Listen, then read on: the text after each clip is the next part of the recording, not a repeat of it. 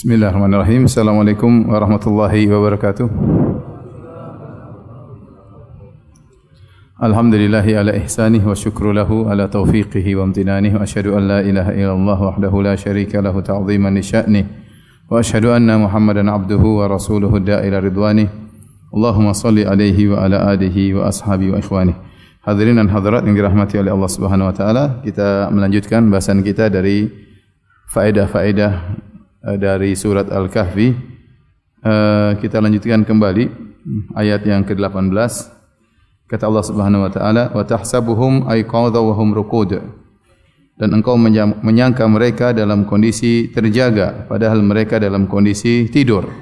Kenapa? Karena mereka seperti orang yang tidak tidur ya. Mereka berbolak-balik ya digerakkan uh, oleh Allah Subhanahu wa taala. Kata Allah nuqallibuhum dzatal yamini wa dzatal shimal kami bolak-balikkan mereka ke kanan dan ke kiri. Sebagian ahli tafsir mengatakan mata mereka seperti senantiasa terbuka. Karena yang Allah tutup adalah apa? Telinga. Adapun mata Allah tidak membuat mereka menutup mata mereka. Tetapi mata mereka terbuka sehingga kalau ada yang melihat seakan-akan mereka tidak tidak tidur. Wahum rukut. Padahal mereka dalam kondisi tidur. Allah alam bagaimana kondisi mereka. Tapi yang jelas kata Allah mereka dibolak-balikkan ke kanan dan ke kiri. Uh, dan ini dalil juga bahwasanya seorang yang tidur jika melakukan sesuatu maka tidak disandari perbuatannya kepada orang yang tidur tersebut ya. Makanya Allah mengatakan wa nuqallibuhum kami membolak-balikkan mereka. Mereka tidak sadar kalau mereka balik ke kanan, balik ke kiri. Yang bolak-balikkan siapa? Allah Subhanahu wa taala. Kalau ada seorang sedang tidur, tahu-tahu dia bilang kepada istrinya, "Kamu saya cerai," maka tidak tidak dianggap. Kenapa? Dia sedang mimpi ya. Dia sedang mimpi. Jadi apa yang dilakukan oleh yang tidur tidak dianggap. Mungkin dia dalam mimpi dia mengatakan saya bersedekah kepada si fulan satu miliar. Ternyata apa? Mimpi. Maka sedekahnya tidak dianggap. Wa kalbuhum basitun dhirahi bil wasit dan anjing mereka ya uh, menjulurkan kedua lengannya di pelataran goa lawit tala'ta alaihim kalau engkau melihat mereka wahai Rasulullah atau umum kepada siapapun yang melihat mereka lawallaita minhum firara maka engkau akan lari dari mereka wala mulita minhum ru'ba dan akan dirimu dipenuhi dengan rasa takut. Ini jelas bahwasanya Allah Subhanahu wa taala memberikan haibah yaitu kondisi yang menakutkan ada pada mereka sehingga kalau orang datang melihat maka akan kabur dari dari mereka. Ya, mungkin karena gerakan mereka yang berbolak-balik kanan kiri atau mata mereka yang dalam kondisi terbuka ya.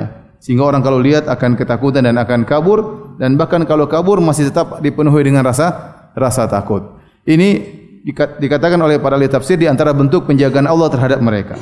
Seandainya ada orang yang berhasil masuk melihat mereka akan kabur juga, tidak akan bisa mengganggu mereka karena ketakutan melihat kondisi mereka yang Allah berikan ya pada diri mereka ya.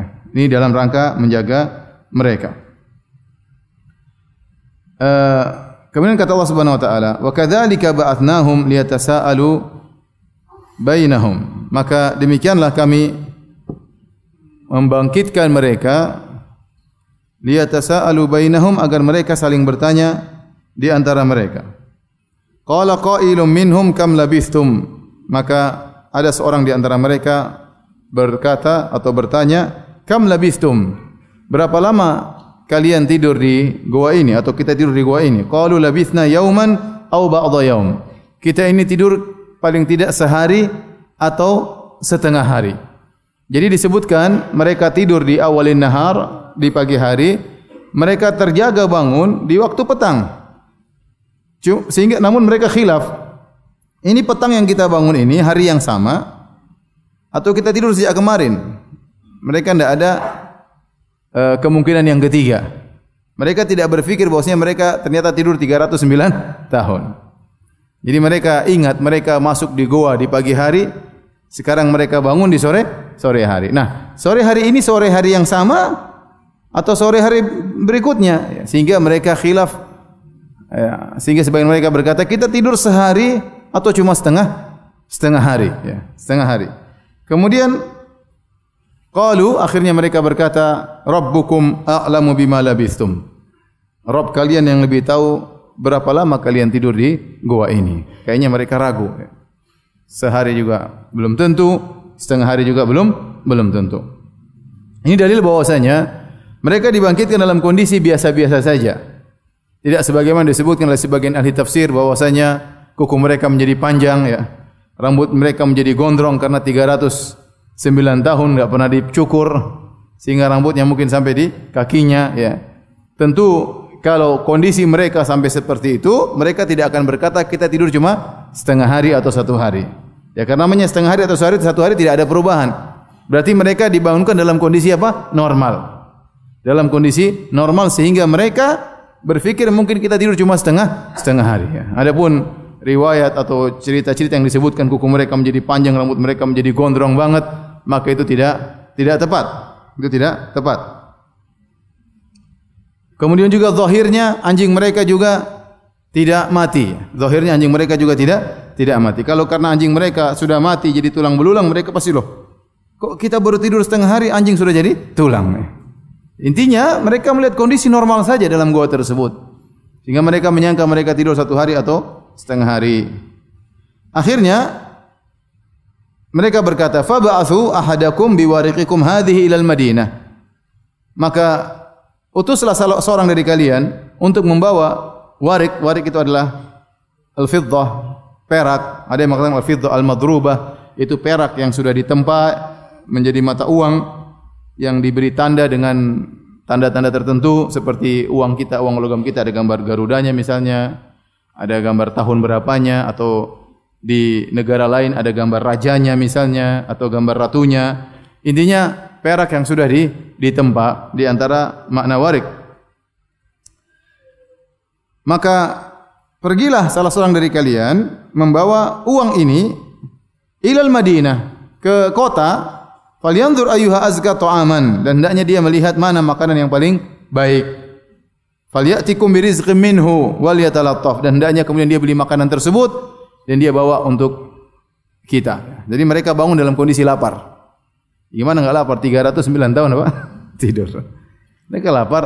Ini dalil bahwasanya mereka waktu kabur dari dari rumah-rumah mereka menuju ke goa, mereka bawa bekal. Mereka bawa bekal. Ya, di antaranya mereka bawa perak tersebut untuk belanja. Ya. Mereka tidak asal kabur, tidak persiapan. Mereka ada bekal yang mereka bawa. Dan namanya tawakal yang sungguhnya adalah berusaha dan menyerahkan perkara kepada Allah. Bukan tawakal tanpa berusaha. Tawakal adalah dengan berusaha. Makanya Nabi SAW berkata kepada seorang yang hendak masuk masjid, kemudian dia meletakkan ontonya di luar, dia mengatakan, Ya Rasulullah, utulikuha wa atawakkal. Ya Rasulullah, ontaku saya lepaskan begitu saja. Kemudian saya bertawakal masuk masjid. Atau saya ikat dan saya bertawakal. Kata Nabi SAW, Iqilha wa tawakkal. Ikat ontamu dan bertawakal. Yang benar, ikat dulu ontamu baru ber bertawakal. Oleh karenanya Allah Subhanahu Wa Taala mencela sebagian orang yang hendak berhaji tidak bawa bekal. Kata Allah Subhanahu Wa Taala, wa tazawwadu. Berbekala untuk untuk haji. Ya, disebutkan bahwasanya ayat ini turun kepada sebagian ahli Yaman yang mereka ingin berhaji namun mereka tidak bawa bekal kemudian kata mereka nahnu mutawakkilun kami bertawakal bekal tanpa haji maka ditegur oleh Allah Subhanahu wa taala. Haji itu harus punya punya bekal. Kalau enggak akan merepotkan orang lain. Kalau enggak akan merepotkan orang orang lain. Oleh karena ini dalil bahwasanya mereka orang-orang soleh ini waktu mereka kabur menuju goa mereka bawa bekal. Akhirnya mereka bangun mereka lapar mereka utus salah seorang dari mereka. Perkataan mereka tatkala mereka berkata ya uh, kita tidur berapa lama? Satu hari setengah hari akhirnya mereka berkata rabbukum a'lamu bi bima labistum. Rabbmu yang lebih rabb kalian yang lebih tahu berapa lama kalian tidur. Ini syarat ya sudah kita enggak usah bahas. Kita mau tidur setengah hari satu hari. Sekarang ada yang paling penting yaitu kita lapar. Jadi seorang terkadang ada diskusi yang tidak begitu bermanfaat maka tidak usah di, dibahas. Pergilah kepada yang perkara yang bermanfaat. Maka Bawalah perak ini beli makanan azka atau aman. Carilah makanan yang paling azka. Azka itu artinya yang paling mulia. Maka ada khilaf di kalangan para ulama. Apa maksudnya azka atau aman? Carilah makanan yang paling baik. Ada yang mengatakan makanan yang paling halal. Karena di zaman mereka dahulu banyak orang-orang musyrikin yang mereka menyembah, menyembelih untuk berhala-berhala mereka. Maka kamu cari makanan pilih-pilih ya, jangan sembarangan. Cari makanan yang halal. Kita tidak mau makan makanan yang haram. Maka dia diwasiatkan untuk mencari makanan yang halal. Ada yang mengatakan ajwadu ta'am, dia cari makanan yang enak, enggak ada masalah. Ya, cari makanan yang enak enggak ada masalah. Yang dalil bahwasanya seorang boleh makan makanan yang yang enak. Ya, apalagi disebutkan dalam kisah bahwasanya mereka adalah anak-anak pangeran, anak-anak raja, anak-anak pembesar. Mungkin mereka terbiasa makan makanan yang enak, maka mereka tidak mengapa disuruh mencari makanan yang apa? Yang enak. Dan ini suatu perkara duniawi yang diperbolehkan. Tetapi kebanyakan ahli tafsir maksudnya mereka mewasiatkan kawan mereka ini untuk mencari makanan yang yang halal, yang halal. Kemudian wal yatalattaf, hendaknya kalau engkau pergi, kalau kawan kita ini pergi mencari makan, membeli, wal yatalattaf, hendaknya dia diam-diam, pelan-pelan. Jangan gerasa gerusu, nanti ketahuan. Jangan gerasa gerusu nanti apa? Ketahuan. Keluar diam-diam, beli barang diam-diam. Wala yush'iran nabikum ahadan jangan sampai dia mengakibatkan ya seorang tahu tentang kondisi kalian. Jadi harus keluar pelan-pelan. Kenapa? Innahum iyadhharu alaikum. Seandainya kaum kita mereka itu tahu tentang kit tentang kalian yarjumukum tentu mereka akan merajam kalian sampai mati. Au yu'idukum fi millatikum. Au yu'idukum fi millatihim. Atau mereka akan mengembalikan kalian kepada agama mereka. Walan tuflihu idzan abada dan kalian tidak akan beruntung selama-lamanya. Kalian tidak akan beruntung selama-lamanya. Jadi dia wasiatkan ente keluar baik-baik pelan-pelan jangan ngerasa gerusu nanti kalau ketahuan repot kita. Kita bakalan ditangkap, kita akan dirajam kalau tetap bertauhid, dirajam sampai mati kalau enggak kita disuruh kembali kepada kesyirikan. Kalau kita kembali salah satu kita kembali kepada kesyirikan walan tuflihu abada kalian tidak akan beruntung selama-lamanya di dunia maupun di akhirat. Ini dalil bahwasanya bahwasanya goa tersebut tidak jauh dari tempat tinggal masyarakat. Ah, buktinya bisa pergi, bisa balik beli makanan ya. Bukan jaraknya misalnya 10 kilo tidak. Gua tersebut tidak begitu jauh dari posisi tempat tinggal masyarakat. Oleh karenanya sebagian ulama ya seperti Ibnu Katsir rahimahullah taala menyebutkan bahwasanya setelah mereka kabur ke goa, maka sang raja di Kianus ya atau yang lainnya saya lupa namanya ya, mengirim pasukannya untuk mencari anak-anak muda ini. Dan goa tersebut mudah untuk ditemukan tetapi Allah Subhanahu wa taala menutup mata mereka. Sehingga meskipun mereka sudah di mulut goa, mereka tidak melihat ya anak-anak muda tersebut. Sebagaimana Allah menutup orang-orang Quraisy yang hendak mengejar Nabi sallallahu alaihi wasallam dan Abu Bakar padahal mereka sudah berada di mulut goa di Gua Thawr sampai Abu Bakar pun ketakutan Abu Bakar berkata ya Rasulullah lau anna ahadahum absarati ila tahti qadamaihi la absarana. Seandainya salah seorang dari mereka lihat ke bawah tentu akan melihat kita. Maka Nabi mengatakan ya Abu Bakrin ma dhannuka bithnaini? Allah salisuhuma wahai Abu Bakar bagaimana menurutmu tentang dua orang? Allah yang ketiganya. Itu Allah akan menolong menolong kita. Maka Allah tutup pandangan mereka padahal mereka sudah di mulut gua. Jadi ini mudah bagi Allah Subhanahu wa taala. Dan bisa jadi pasukan-pasukan tersebut sudah lewat depan gua tapi mereka ditutup mata mereka sehingga mereka tidak masuk dalam gua tersebut. Dan seandainya pun mereka berhasil masuk dalam gua, mereka akan kabur terbirit-birit karena Allah menjaga kondisi anak-anak muda tersebut dengan kondisi yang menakutkan. Intinya disebutkan oleh para ahli tafsir, akhirnya wakil mereka ini pergi. Wakil mereka ini pergi. Sebelum sebelum saya lanjutkan, sebenarnya mengambil faedah dari ayat ini, ini bolehnya mewakilkan. Jadi mereka kan tujuh orang nih. Uang barang-barang. Satu disuruh apa? Beli. Berarti satu mewakili berapa? Tujuh orang. Satu mewakili tujuh orang. Berarti dalam masalah jual beli, dalam masalah akad boleh perwakilan, tidak ada masalah.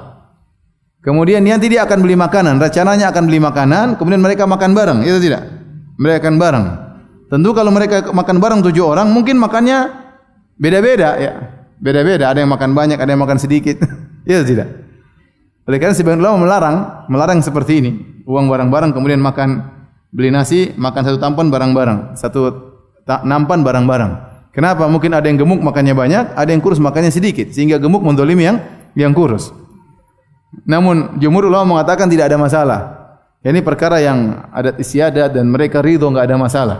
Meskipun ada satu yang makan lebih banyak, satu lebih sedikit, maka selama tidak terlalu signifikan artinya sama-sama ridho enggak ada enggak ada masalah karena pasti beda makannya ya. Ada yang makan banyak meskipun Allah mengatakan al akul yang banyak makan hendaknya tambah apa depositnya ya. tambah sahamnya. Tetapi seandainya mereka sama-sama ridha, ya meskipun mereka satu lebih banyak daripada yang lain maka enggak ada masalah. Perkara biasa. Taib. Intinya keluarlah salah seorang dari mereka ini bawa duit. Begitu dia keluar dari goa, apa yang terjadi? Dia lihat jalan masih sama, tapi kondisi sudah apa? berubah. Bayangkan 300 tahun kemudian ya. Antum kalau kembali 300 tahun sebelumnya di Bekasi apa yang antum lihat? Antum lihat mungkin babi hutan ya. ya, ya. Enggak ada namanya Al Azhar. Enggak ada namanya Ustaz Firanda, enggak ada. Bapaknya pun belum ada, kakeknya pun belum belum ada ya. 300 tahun yang lalu ya. ya tentu kondisi sudah sangat-sangat berubah. Maka dia keluar dengan kebingungan, ini dia mimpi atau tidak ya. Lihat kondisi berubah semua. Ini baru dia kan merasa baru kemarin ke sini.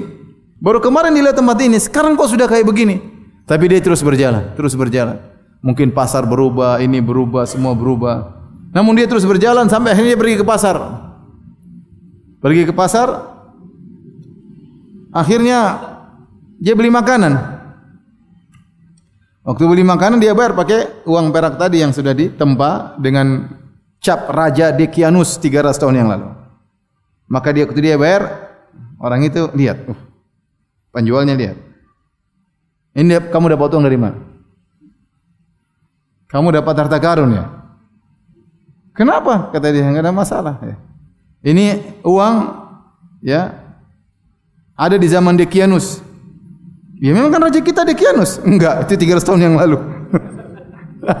akhirnya dilaporkan kepada raja yang sekarang. Kemudian dibawa, akhirnya ditanya. Intinya ini riwayat-riwayat ya. Berbagai ada beberapa versi. Cuma saya sampaikan salah satu versi riwayat tersebut tidak ada datang dengan sanad yang sahih tetapi disebut oleh para ahli tafsir untuk melengkapi makna daripada kisah ini ya karena kalau tidak disebutkan maka tidak jelas bagaimana kisah mereka tapi intinya sebagian ulama menyebutkan ya bahwasanya akhirnya dia pun ketemu sang raja dan raja tersebut ternyata sudah tidak zalim lagi ya Allah telah menyelamatkan mereka mereka tidur 300 tahun sehingga yang zalim-zalim tewas semua setelah 300 tahun ada raja yang yang baik Akhirnya ditanya, "Kau siapa?" "Saya fulan." Lah, "Dari mana kau dapat?" "Saya dulu saya kisahnya begini, saya kabur masuk di gua, sekarang begini kondisinya." Akhirnya kata sang raja, "Iya, saya pernah dengar kisah beberapa pemuda yang kabur." "Itu kamu kah?" "Iya." Coba akhirnya dilihat catatan sejarah, ternyata ada catatan nama-nama lelaki-lelaki yang kabur karena mereka anak-anak raja, anak pembesar. Si fulan, si fulan, si fulan tujuh orang. Iya, saya salah satunya itu. Teman-teman yang lain mana? Di Goa sana. Akhirnya mereka dia pun pergi pulang bilang sabar, saya masuk dulu ke dalam Goa. Maka dia pun bercerita sama kawan-kawannya bahwasanya kondisi sudah berubah, kita sudah diselamatkan oleh Allah Subhanahu wa taala, tidak perlu khawatir.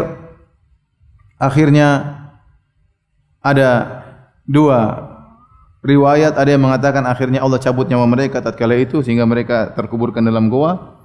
Ada yang mengatakan mereka pun hilang entah ke mana ya. Tidak ada kejelasan. Intinya ini semua riwayat datang dalam sanad yang tidak sahih. Saya ingin menyampaikan saja yang datang dalam buku tafsir. Namun mungkin kira-kira demikian karena ini riwayat uh, turun temurun namun bukan dengan sanad yang yang sahih. Taib. Allah Subhanahu wa taala berfirman mengkisahkan waktu mereka mengutus kawan mereka, "Innahum iyadhharu alaikum." Hati-hati kau jangan gerasa gerusu kalau pergi beli makanan. Kalau sampai kau membuat mereka tahu kita di mana, maka kalian tidak akan selamat, mereka akan merajam kalian. Kalau tidak, kalian akan dikembalikan ke agama kesyirikan mereka. Walan tuflihu idzan abada, maka kalian tidak akan beruntung selama-lamanya. Untuk ayat ini ada dua tafsiran di kalangan para ulama. Tafsiran pertama, ini dipilih oleh Syekh rahimahullah taala, bahwasanya orang-orang zaman dahulu tidak diberi uzur dengan paksaan. Makanya mereka mengatakan kalau kita ketangkap kita akan dirajam sampai mati. Ya. Kalau kita bertahan dalam tauhid kita akan dirajam sampai mati. Tapi kalau kita tidak bertahan akhirnya kita pura-pura kafir, kita akan binasa di akhirat. Kalian tidak akan beruntung selama-lamanya. Sehingga disimpulkan oleh sebagian ulama, orang-orang terdahulu kalau dipaksa berbuat syirik dan mereka ternyata melakukan kesyirikan meskipun dalam kondisi terpaksa tetap tidak ada uzur. Ya. Adapun zaman sekarang Allah kasih uzur illa man ukriha wa qalbuhu mutmainnun bil iman. Walakin man syaraha bil kufri sadran.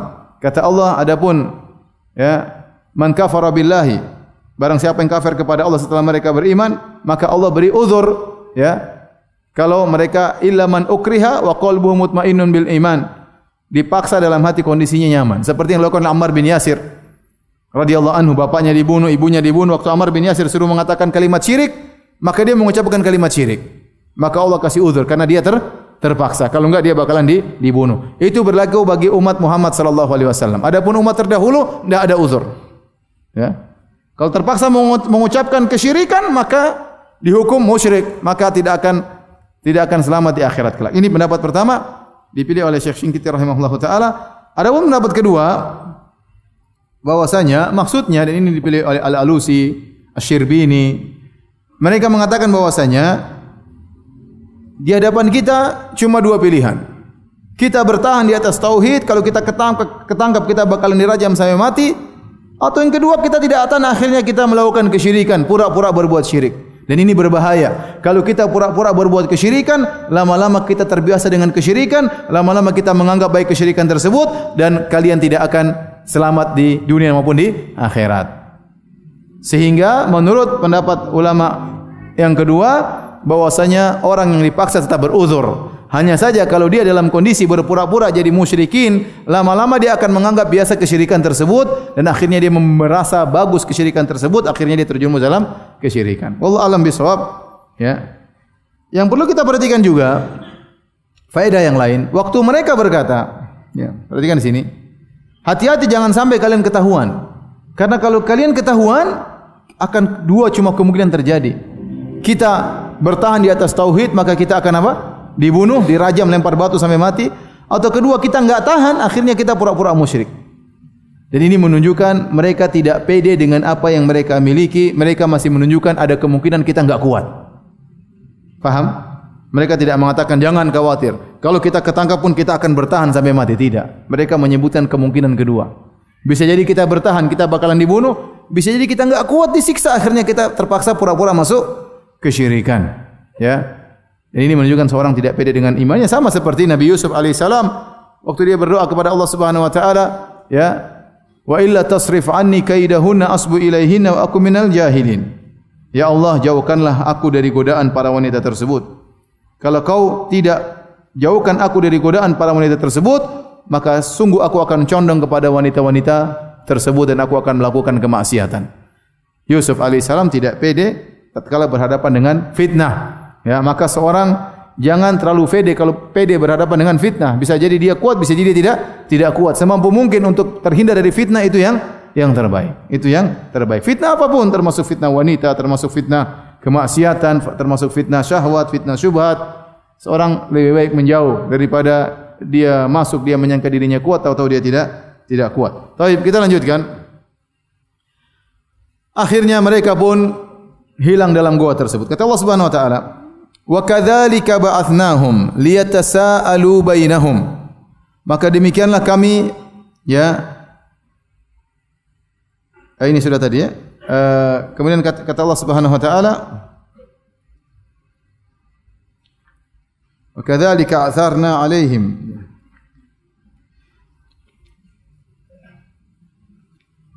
Kata Allah, "Wa kadzalika atharna 'alaihim" liya'lamu anna wa'dallahi haqq. Maka demikianlah kami menjadikan orang-orang penduduk situ akhirnya menemui tempat mereka. Karena tadi disebutkan mereka diketahui oleh raja akhirnya orang-orang pun datang ke goa tersebut. Akhirnya orang datang ke goa tersebut. Untuk apa? Liya'lamu anna wa'dallahi haqq. Agar mereka tahu bahwasanya janji Allah pasti benar, pasti terjadi. Allah telah menjanjikan mereka untuk menolong mereka ashabul kahfi anak-anak muda tersebut dan akhirnya Allah menolong mereka wa anna sa'ata la raiba fiha agar mereka tahu bahwasanya hari kiamat tidak ada keraguan akan terjadinya. Id yatanaza'una bainahum amrahum tatkala mereka berselisih di antara mereka tentang bagaimana urusan ashabul kahfi ini. Faqala bunu alaihim bunyana kata mereka sebaiknya kita membangun bangunan di goa ini.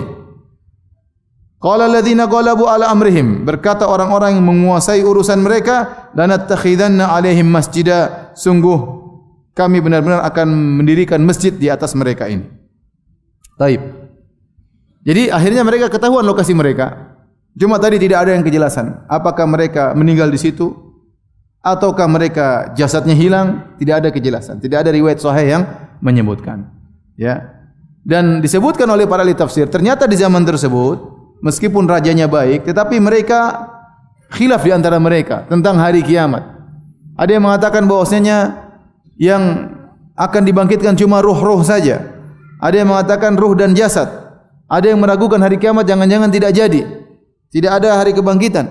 Sehingga Allah kemudian mengirimkan kepada mereka ya bukti kemaha kuasaan Allah Subhanahu wa taala dengan kisah tujuh orang yang tidur 309 tahun. Dengan demikian kalian akan pas yakin bahwasanya hari kiamat itu mungkin. Apa apa hubungannya antara antara tidur mereka 39 tahun dengan akan mungkinnya hari terjadi hari kiamat? Karena secara logika, secara logika, tidak mungkin seorang tidur 300 tahun tidak makan, tidak minum, ya. Kemudian bangkit dalam kondisi normal. Enggak mungkin. Kalau kita cerita ada orang tidur 300 tahun, tidak makan, tidak minum, maka tidak ada yang membenarkan cerita tersebut. Kamu hanya menghayal bagaimana 300 tahun tidur, tidak makan, tidak minum. Namun kenyataannya terjadi. Tidur 300 tahun, tidak makan, tidak minum dan bang, bang, bangkit dalam kondisi normal. Kuku tidak panjang, rambut tidak tidak, tidak panjang, biasa-biasa saja. Ya. Nah, berarti kalian akan menolak cerita tersebut karena enggak mungkin, tapi ternyata mungkin. Maka demikian pula, mungkin otak kita mengatakan bagaimana mungkin tulang belulang sudah menjadi mayat sudah menjadi tulang belulang bahkan sudah menjadi tanah tulang sudah berubah menjadi tanah bagaimana bisa dibangkitkan kembali? Nah kalau ini mungkin tentu yang itu juga mungkin. Allah hanya menunjukkan sebagian keajaiban agar kalian jangan memustahilkan sesuatu yang tidak masuk otak kalian. Paham karena menurut otak kalian tidak mungkin seorang tidur tiga tahun tidak makan tidak minum bangkit dalam kondisi normal. Maka menurut otak kalian juga ternyata bisa. Menurut otak kalian bagaimana tulang belulang man yuhyil idhama ramim? Bagaimana ya tulang belulang bisa dihidupkan kembali padahal sudah hancur lebur seperti tanah? Kalian tidak masuk akal menurut kalian tapi mungkin dan akan ter terjadi. Maka kata Allah Subhanahu wa taala demikianlah kami membuat kalian wahai penduduk negeri menemukan mereka ashabul kahfi yang tidur 309 tahun agar mereka tahu penghuni penduduk negeri tahu bahwasanya janji Allah pasti benar. Buktinya mereka ini ditolong oleh Allah. Mereka kabur karena tidak ingin terjerumus dalam kesyirikan dan ternyata Allah selamatkan mereka. Ya. Oleh karenanya di antara faedah dari ayat ini, seorang kalau ingin lari dari fitnah, insya Allah ditolong oleh Allah Subhanahu wa taala. Seorang kalau ingin lari dari fitnah, tidak nimbrung dalam fitnah, tidak spekulasi dengan fitnah, dia ingin kabur dari fitnah meskipun di zaman yang penuh fitnah zaman sekarang ini. Kalau dia ingin kabur dari fitnah, kalau niatnya benar Allah akan tolong dia. Allah akan tolong tolong dia ya misalnya dia ingin menghindar dari fitnah godaan wanita kalau dia sungguh-sungguh Allah akan akan selamatkan dia tapi kalau dia ingin lari dari fitnah tapi dia coba-coba ya Pingin lihat sana, pingin lihat sini, ya. pingin lihat akun sini, akun sana ya. Gimana mau mau selamat ya? Bagaimana mau selamat? Kalau dia ingin lepas dari fitnah godaan wanita sementara dia mengumbar pandangannya, bagaimana mau selamat? Ya, maksud saya fitnah sebesar bayangkan ini mereka ini bayangkan mereka tinggal satu satu negeri yang beriman cuma tujuh orang. Yang ratusan ribu lainnya apa? Atau mungkin ribuan lainnya semua musyrikin. Mereka dalam kondisi terancam seakan-akan tidak ada jalan keluar untuk selamat, tapi ternyata mereka hanya sembunyi di goa sebentar. Allah selamatkan mereka dengan cara Allah Subhanahu wa taala yang mereka juga tidak tahu cara tersebut. Ternyata dibuat tidur 309 tahun. Orang-orang yang kejar-kejar mereka ternyata mati mati selesai, ya, sudah game over semuanya. Kemudian datang raja baru yang ternyata baik. Ini terkadang kalau kita ingin selamat dari fitnah, Allah selamatkan kita dengan cara Allah yang tidak kita duga-duga. Paham? Yang penting kita niat benar-benar ingin selamat dari fitnah. Tapi niat kita terkadang tidak benar-benar. Ya. Ingin merasa iman kita tinggi, serempet-serempet fitnah, ya. mau serempet-serempet uh, korupsi sedikit, mau serempet-serempet uh, cewek sedikit, ya. Kalau perlu diserempet cewek kalau bisa, ya. Ya kita sendiri tidak berniat, akhirnya kita tidak selamat dari fitnah tersebut. Saya pernah ketemu orang subhanallah, kalau saya ke Dubai. Ke Dubai kemudian saya pergi ke Abu Dhabi. Ketemu seorang ikhwan. Dia ngobrol-ngobrol, gimana? Nanti kasih tahu, aduh, saya enggak punya HP Ustaz. Loh, nanti enggak punya HP. Zaman now 2019 saya tidak punya HP. Ya, saya tidak punya HP Ustaz. Terus gimana kalau orang hubungi ente? Istri saya punya HP. Tinggal telepon istri saya. Saya tidak punya HP sama sekali. Masya Allah. Dia hidup di negara yang mewah, Dubai, di Abu Dhabi, ya. Lebih keren daripada Bekasi, ya. Jauh ya? Enggak, jangan bilang jauh lah. Lebih keren aja lah. Dan dia bisa hidup tanpa HP. Subhanallah. Seakan-akan dia sudah berniat untuk menghindarkan diri dari apa? Fitnah. Ya. Jadi maksud saya, seorang kalau sudah berniat untuk menghindarkan diri dari fitnah, Allah akan kasih dia petunjuk. Yang penting niatnya tulus. Ya. Yang penting niatnya tulus. Kemudian tatkala mereka ini sudah meninggal dalam goa atau mereka menghilang dari goa tersebut, idh yatanaza'una bainahum amrahum, maka orang-orang yang masih hidup ini penduduk tersebut berselisih. Bagaimana dengan mereka? Perselisihan mereka apa? Tentang siapa nama-nama mereka atau berapa jumlah mereka atau yang lainnya, tapi yang disebutkan di antaranya apa yang mereka lakukan dengan goa ini. Faqala bunu alaihim bunyana, mereka mengatakan kita bangunkan bangunan di sini. Berkatalah orang-orang pembesar di situ yang menguasai urusan mereka, mereka berkata, "Lanattakhidanna 'alaihim masjidah." Kita akan bikin masjid di sini. Baik. Sebagian orang berdalil dengan ayat ini dengan ayat ini untuk membolehkan membangun masjid di atas kuburan orang soleh. Ada orang meninggal dunia di kubur bikin masjid di situ karena lihatlah cerita Ashabul Kahfi, mereka orang-orang soleh akhirnya dibangun masjid di tempat tempat mereka. Paham pendalilannya? Dan ini pendalilan yang salah. Pendalilan yang yang salah. Yang pertama, ikhwani fillah akhwati fiddin azani Allah yakum. Allah Subhanahu wa taala tatkala menyebutkan tentang ide para pembesar-pembesar tersebut untuk membangun masjid di atas goa tersebut, Allah tidak sedang mendukung, Allah sedang bercerita. Allah sedang bercerita tentang bagaimana pernyataan mereka dan ada isyarat bahawa ini pernyataan yang buruk. Makanya Allah mengatakan qala alladziina ghalabu ala amrihim. Dan berkatalah orang-orang yang pembesar-pembesar yang menguasai. Dan kita tahu dalam Al-Qur'an banyak sekali wa qala al-mala'u berkata para pembesar-pembesar berkata para pembesar-pembesar orang-orang yang mengingkari para nabi. Paham orang-orang yang sombong dan angkuh. Sehingga isyarat bahwasanya ini adalah paksaan dari sebagian orang-orang penguasa tatkala itu ingin bangun masjid di situ. Maka maka tidak menunjukkan Allah ridho dengan hal ini. Allahnya cerita dan menunjukkan ada isyarat Allah tidak setuju. Ini yang dijelaskan oleh Ibnu Katsir rahimahullahu taala dalam tafsirnya. Demikian disebutkan oleh Al-Alusi dalam tafsirnya. Yang kedua, ya, yang kedua, taruhlah mereka bangun, tidak ada dalil bahwasanya itu kuburan mereka. Mana dalilnya? Enggak ada. Tadi saya bilang tadi ada riwayat-riwayat namun tidak ada sanatnya. Ada yang mengatakan mereka dikubur situ, ada yang mengatakan mayat mereka apa? Hilang, mereka meninggal mayat mereka hilang, ada tiba-tiba mereka pergi entah ke mana. Ya, tidak ada dalil bahwasanya mereka dikubur kemudian dibangun apa? Masjid. Faham? Padahal mereka ingin dan Allah tidak menyebutkan bahwasanya akan dibangun masjid di atas kuburan mereka. Tidak ada kisahnya dalam sini. Ya. Jadi dalilan tidak pas. Yang berikutnya, taruhlah mereka meninggal di situ. Taruhlah mereka meninggal di situ dan ini tidak ada sanadnya. Tidak ada juga dalil bahwasanya kuburannya akan di, di, di, di goa tersebut jadi kuburan. Zahirnya lanattakhidanna alaihi masjidah yaitu kuburan di apa masjid dibangun di atas gunung karena gua mereka di mana di di gunung atau masjid di daerah sekitar situ. Intinya ini semua tafsiran-tafsiran yang jelas Nabi melarang membangun kuburan di atas kuburan orang orang saleh.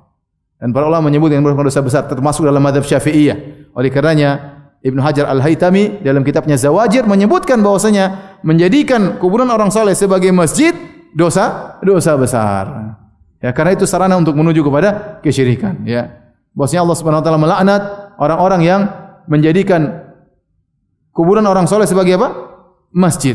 Dan Nabi dalam banyak hadis mengatakan la'natullah alal yahudi wan nasara ittakhadhu kubur anbiya masajida. Allah melaknat orang jadi Nasrani mereka menjadikan kuburan nabi-nabi mereka sebagai masjid. Maka jangan sampai seorang dengan ayat ini yang mutasyabihat kemudian dia menolak hadis-hadis begitu banyak yang melarang untuk dijadikan kuburan sebagai masjid.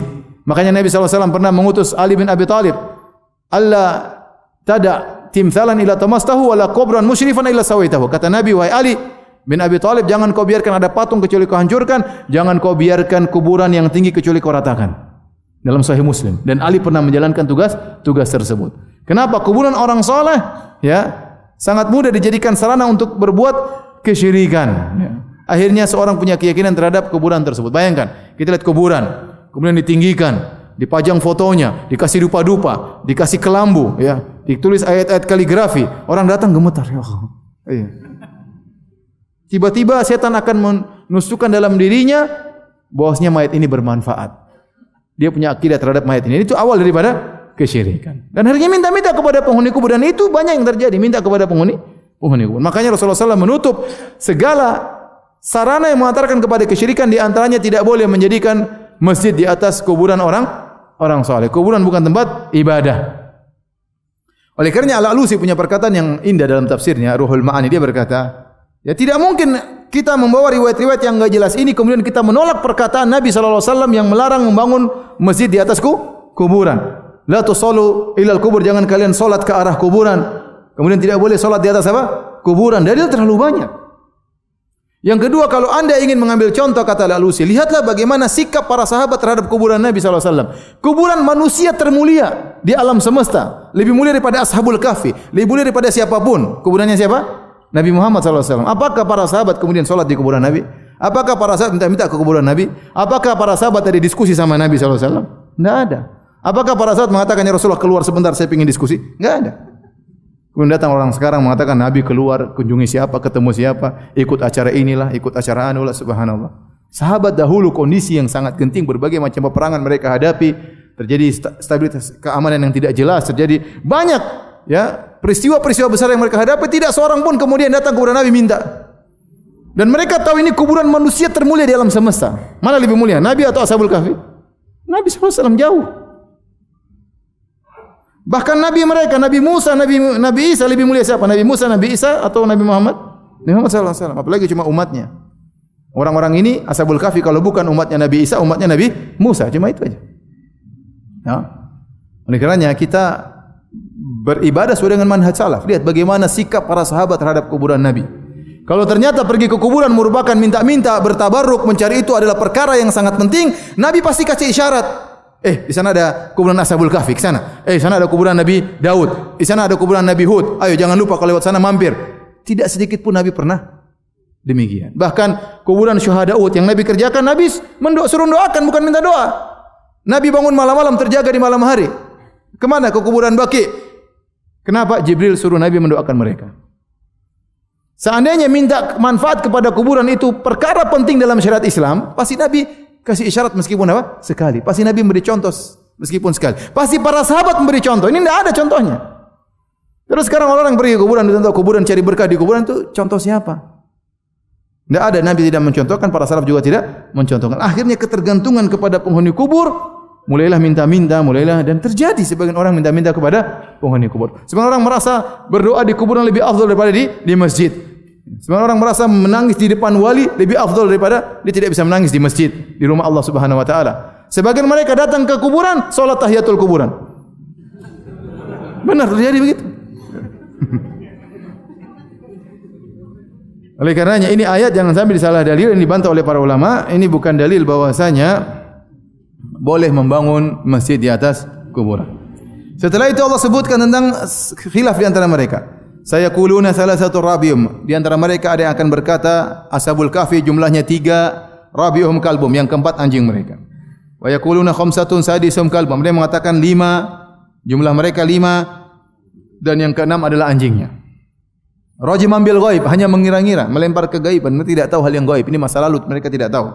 Kata Allah, wa yakuluna sab'atu wa thaminuhum kalbuhum. Dan di antara mereka ada yang berkata, tujuh orang Ashabul Kahfi, dan yang kedelapan adalah anjingnya. Jadi ini pendapat yang dipilih oleh para ulama karena Allah tidak mengatakan rajman bil ghaib. Yang yang per, yang mengatakan tiga atau lima kata Allah rajman bil ghaib hanya sekedar menduga-duga. Ketika Allah menyebutkan pendapat yang ketiga, tujuh orang yang kedelapan adalah anjing, Allah tidak mengatakan sekedar menduga-duga. Berarti itu pendapat yang lebih lebih tepat. Oleh kerana banyak tafsir mengatakan jumlah mereka tujuh orang, yang kedelapan adalah anjingnya.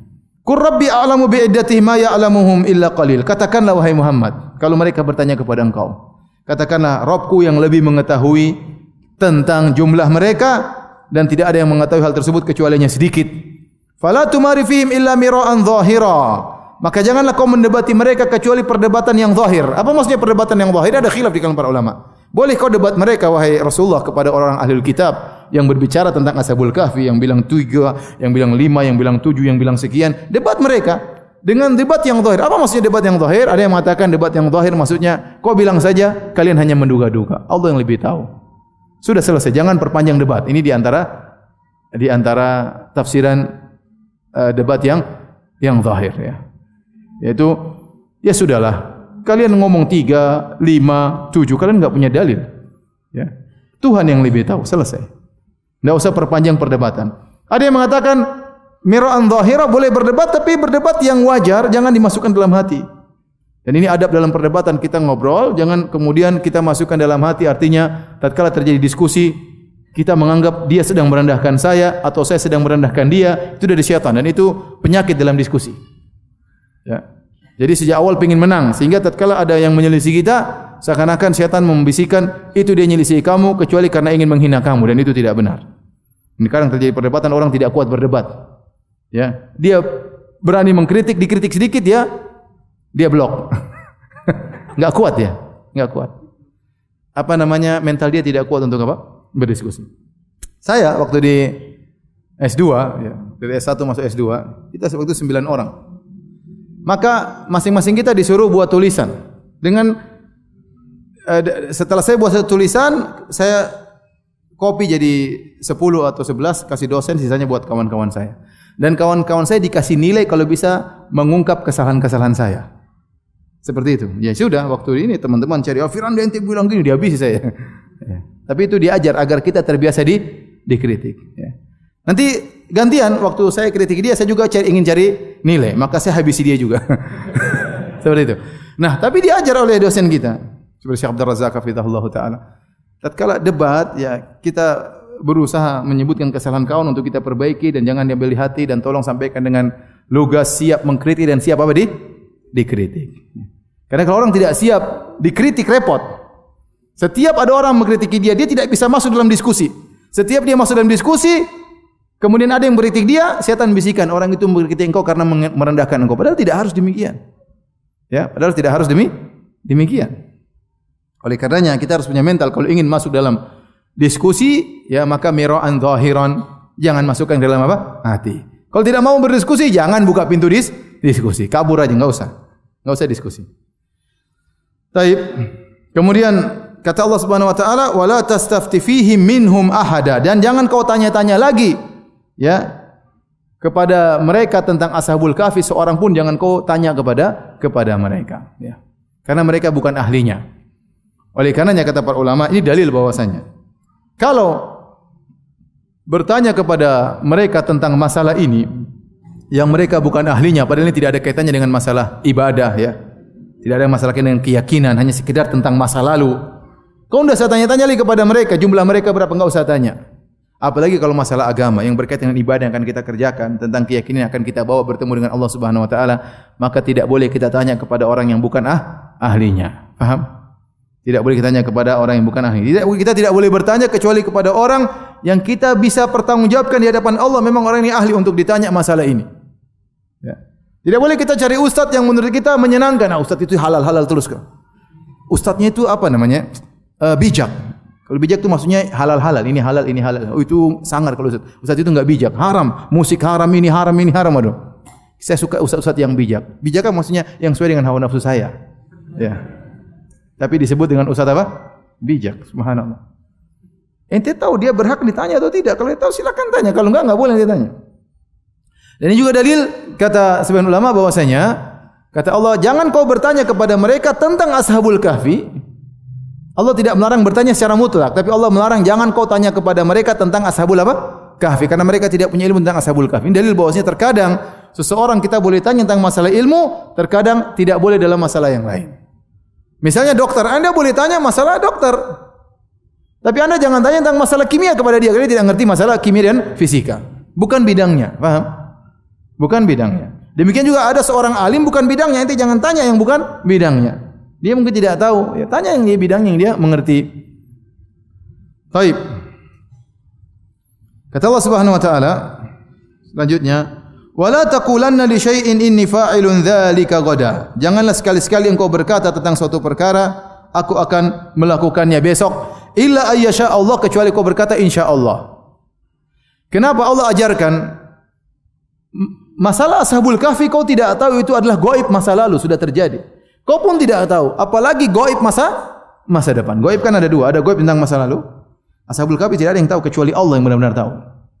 Mau bilang tiga, mau bilang tujuh, mau bilang lima, enggak ada yang tahu tentang ceritanya dengan lebih benar kecuali siapa? Allah. Ya. Kalau masa gaib, mas, mana yang lebih lebih aneh? Mas gaib masa depan atau masa lalu? Masa depan. Kalau masa depan benar-benar tidak ada yang tahu kecuali siapa? Allah.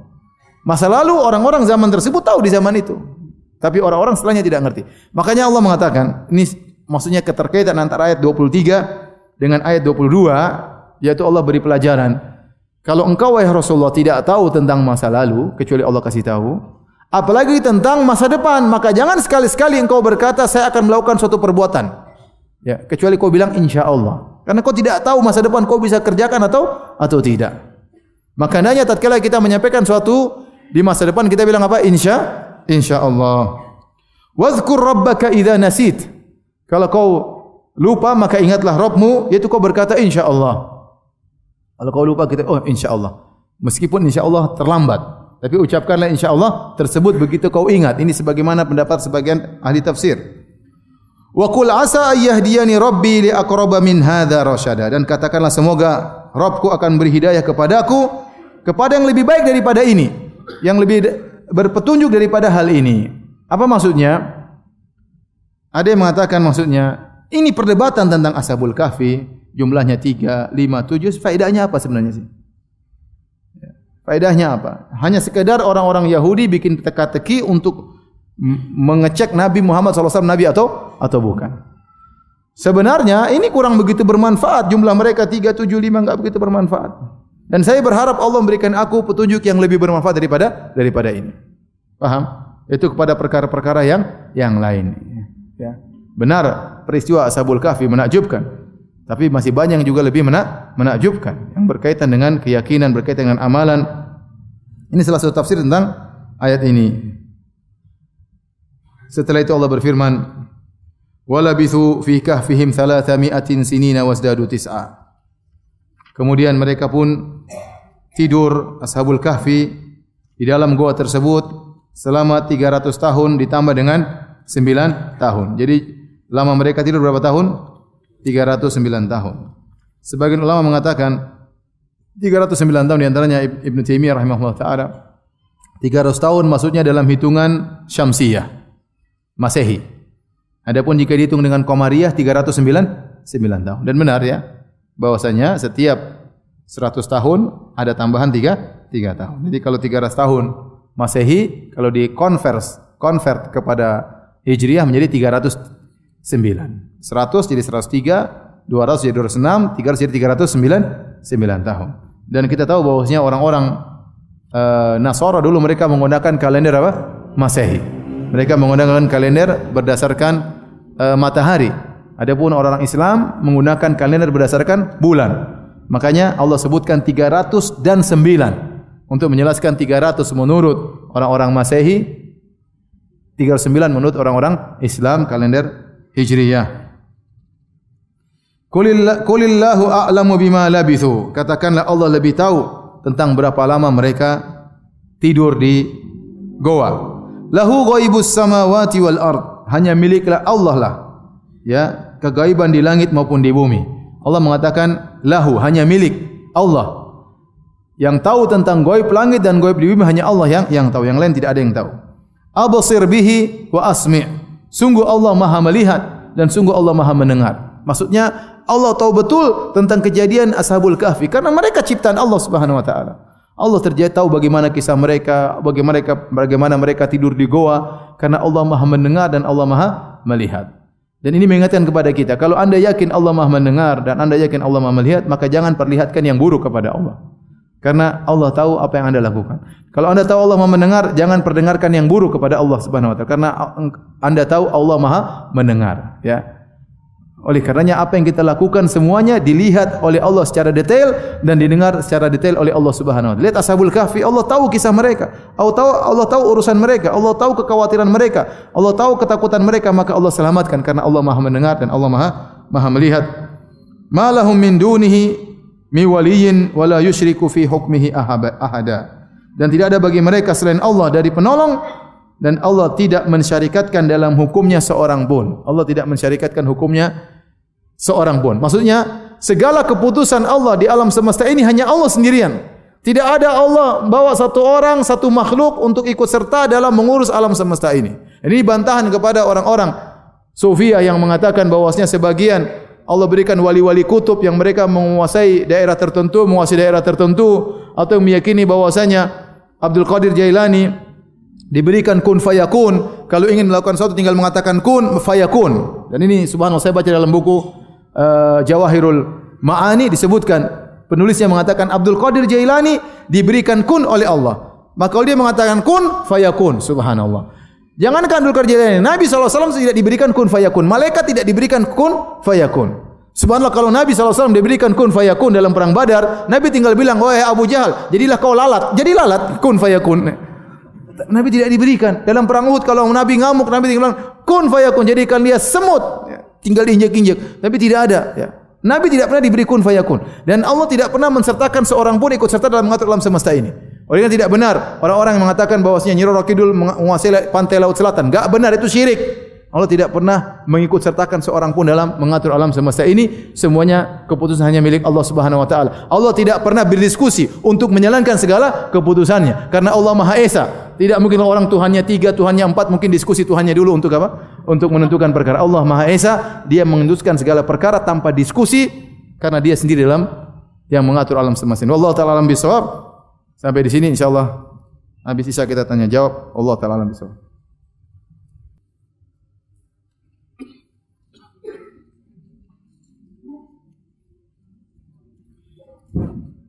Bismillahirrahmanirrahim. Assalamualaikum warahmatullahi wabarakatuh. Alhamdulillah salatu wassalamu ala Rasulillah wa ala alihi wa sahbihi wa wala. Kita masuk pada sesi tanya jawab ya. Pertanyaan pertama, Ustaz saya ingin bertanya kalau kita di masa penguasa yang zalim apakah kita diwajibkan kabur meninggalkan negeri tersebut seperti Ashabul Kahfi untuk menghindar maksiat, fitnah adu domba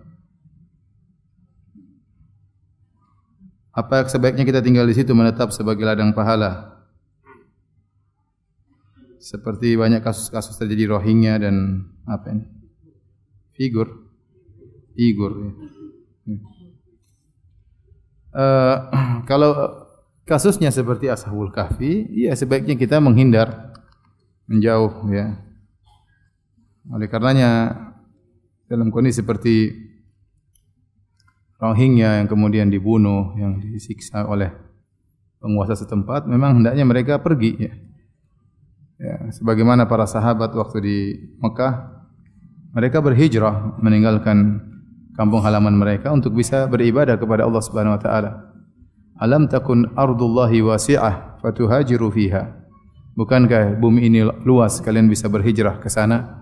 Jadi kalau kita suatu tempat kita tidak bisa beribadah kepada Allah, maka kita wajib untuk berhijrah. Wajib untuk berhijrah. Tapi kalau tempat tersebut kita masih bisa beribadah kepada Allah, masih bisa salat lima waktu, enggak ada yang ganggu. Hanya fitnah ini, fitnah anu ya. Ya kita bertahan. Di mana-mana juga ada fitnah ya.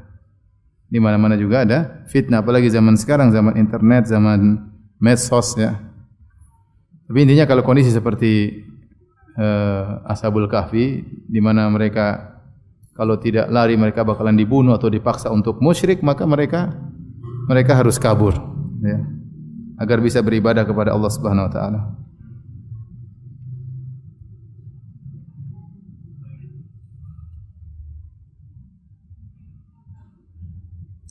Ustaz, jika bertakwa kepada Allah mendapat rizki yang tidak disangka-sangka, apakah jodoh termasuk rizki yang tidak disangka-sangka? ya, tapi cari cari tiba-tiba soleha masya Allah itu tidak disangka-sangka. Tapi kalau diam-diam di rumah nunggu ada yang nawarin ya agak sulit juga seperti itu ya. Ya tapi mungkin saja, mungkin saja ya. Tapi maksudnya kita berikhtiar, ikhtiar tadi kan atau tawakal sudah saya jelaskan yaitu mengumpulkan antara usaha yang bahasa kita namanya ikhtiar. Ya, tapi ikhtiar itu bukan artinya usaha, tapi orang Indonesia menamakan usaha namanya apa dengan apa? Ikhtiar. Jadi mengumpulkan dari ikhtiar atau usaha dengan berdoa kepada Allah Subhanahu wa taala maka itu yang disebut dengan tawakal. Jadi kalau antum mau menikah ya antum bertawakal, ya antum mencari rezeki kemudian mulai ngelamar akhwat. Ya, kalau akhwat maka uh, dia banyak berdoa kepada Allah Subhanahu wa taala tidak mengapa kakaknya atau adik laki-lakinya atau orang tuanya mencarikan jodoh buat buat sang putri, enggak ada masalah ya. Dan benar jodoh termasuk apa? Rezeki. Jodoh termasuk rezeki ya. Saya punya kawan ya sampai sempat dijuluki uh, orang-orang bilang suami jelek istrinya cantik. sampai dibilang begitu. Kawan saya dibilang jelek. istrinya cantik ya. Sementara istrinya soleha, hafal hafiz Quran ya. Kawan saya biasa-biasa saja, tapi ya kawan saya juga bertakwa kepada Allah, yaitu namanya rezeki dari arah yang tidak disangka-sangka. Tapi dia berusaha, dia ngelamar, dia kerja ya. Berusaha.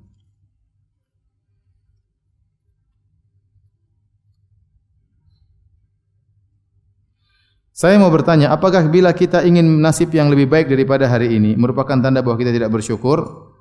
Bolehkah kita minta kekayaan? Bolehkah? Jika boleh, bagaimana cara minta yang lebih baik kepada Allah Subhanahu Wa Taala? Uh, kita tentu ingin lebih baik daripada yang kita alami sekarang, terutama dalam masalah agama. Kita ingin agama kita lebih apa? Lebih baik. Dan kalau bisa dunia kita lebih baik juga tidak jadi masalah ya. Orang dalam kondisi sulit dia ingin lepas daripada kesulitan ya. Makanya Nabi berdoa, Allahumma kfini bihalalika an haramika ya Allah cukupkanlah aku dengan perkara yang halal agar aku tidak butuh dengan yang haram. Wa aghnini bi fadlika aman siwak dan cukupkanlah aku dengan karuniamu sehingga aku tidak butuh dengan selain selain engkau ya. Nabi uh, apa namanya? Uh, berdoa Allahumma inna as'alukal huda wa tuqa wal afafa wal ghina. Ya Allah aku minta kepada engkau di antaranya al-ghina. Al-ghina itu kecukupan ya kecukupan jangan sampai seorang kekurangan kemudian minta-minta kepada orang lain.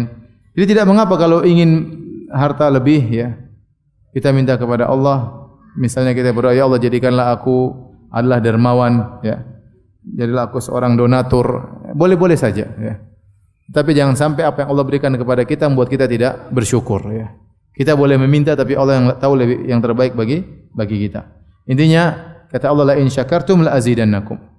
Kalau kalian bersyukur maka aku akan berikan tambahan kepada kalian. Jika seorang bersyukur dengan apa yang dia miliki meskipun sedikit dia masih bisa bersedekah, masih bisa berbakti kepada orang tua, niscaya insyaallah Allah berikan tambahan kepadanya. Pertanyaan susah-susah ya. Jika sedang makan lalu di tangan kiri ada sisa-sisa nasi atau sambal, jika kita langsung menjilatnya dari tangan kiri tersebut, apakah ini termasuk makan dengan tangan kiri? Zahirnya iya ya. Zahirnya ada di sana sih berarti makan pakai tangan kiri. Apa susahnya kita begini?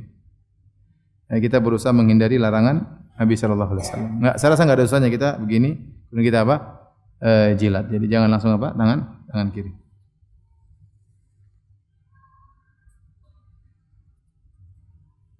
Anak kami lagi pulang liburan dari pesantren. Apa yang harus kami lakukan agar kebiasaan di pondok tidak berubah atau tidak hilang? Dikasih jadwal main.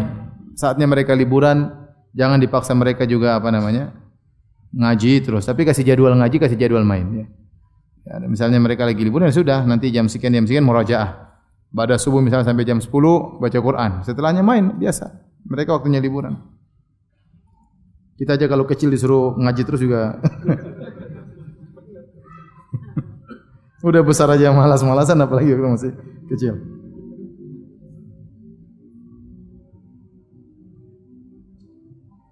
Ustaz dalam berdoa kita diperbolehkan meminta dunia, tapi terkadang saya malu karena yang diminta mobil, rumah, di sisi lain saya saya sangat ingin mendapatkannya. Bolehkah saya lanjutkan doa tersebut? Boleh.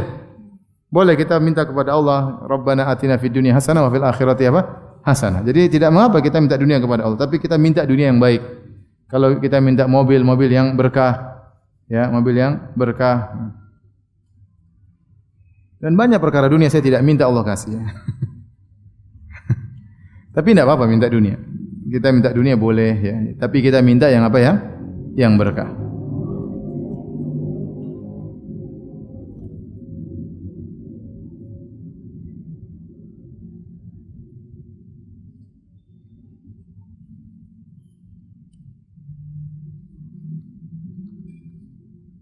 Apa hukumnya ketika memulai suatu perkara dengan baca Al-Fatihah? Tidak, cukup baca Bismillahirrahmanirrahim. Atau Bismillah. Ya, kullu amrin la yubda'u bil basmalah fa huwa abtar. Segala perkara yang tidak dengan bismillah maka terputus. Hadis dihasankan oleh sebagian ulama. Tidak ada sunnahnya kita mau makan kita baca Al-Fatihah. Kita mau keluar rumah baca apa? Al-Fatihah. Masuk rumah baca Al-Fatihah. Mulai nyalakan komputer kita baca Al-Fatihah. Tidak perlu. Kalau bismillah ya bismillah. Nah, apa? Artinya yang Rasulullah contohkan lebih mudah ya. Karena Al-Fatihah lumayan panjang ya. Al-Fatihah lumayan panjang. Mau berhubungan dengan istri kita baca Bismillah. Jangan baca Al-Fatihah.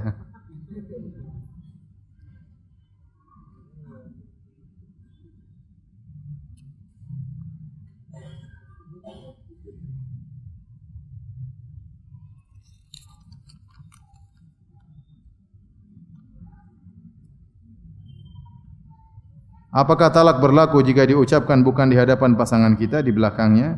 Ya berlaku kita misalnya ucapkan sama orang, saya ceraikan istri saya. Istri saya talik, istri saya saya cerai, jatuh. Meskipun tidak di hadapan apa? Istri. Hati-hati ikhwan, jangan asal ngomong masalah apa? Cerai. Kebanyakan orang menyesal. Kebanyakan orang menjatuhkan cerai menyesal. Semua yang datang kepada saya bicara masalah cerai semuanya menyesal. Hampir-hampir tidak ada yang berkata, Ustaz, Alhamdulillah sudah saya ceraikan istri saya. Alhamdulillah. Mungkin ada tapi satu dua ekor ya. Kebanyakannya semua menyesal. Kebanyakan semua menyesal.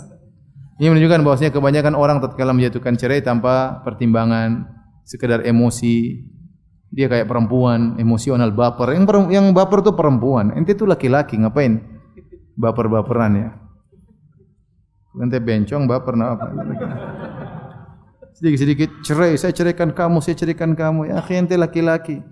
Tegas maksudnya yang benar ngomong sebelum ngomong dipikir dulu. Kalau perempuan iya mereka mendahulukan perasaan daripada daripada akal mereka. Sering ibu-ibu kalau marah, ceraikan aku, ceraikan aku. Padahal dia enggak mau dicerai cuma cuma gaya doang ya.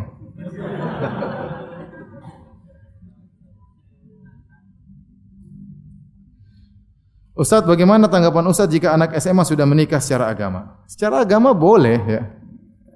Jangan anak SMP, SMP juga apa? Boleh ya.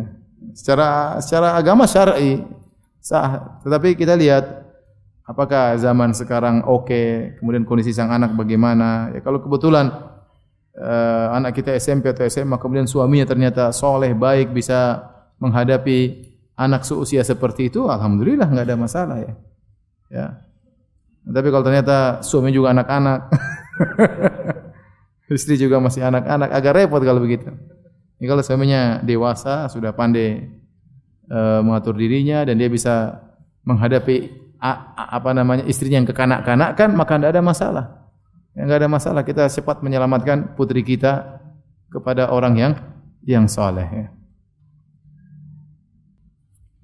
Tapi demikian saja uh, bisa sampaikan. Insyaallah kita lanjutkan pekan depan ya, dari surat Al-Kahfi. Kurang lebihnya saya mohon maaf. Subhanakallah bihamdik. Asyhadu an la ilaha illa anta astaghfiruka wa atubu ilaik. Wassallallahu nabiyana Muhammadin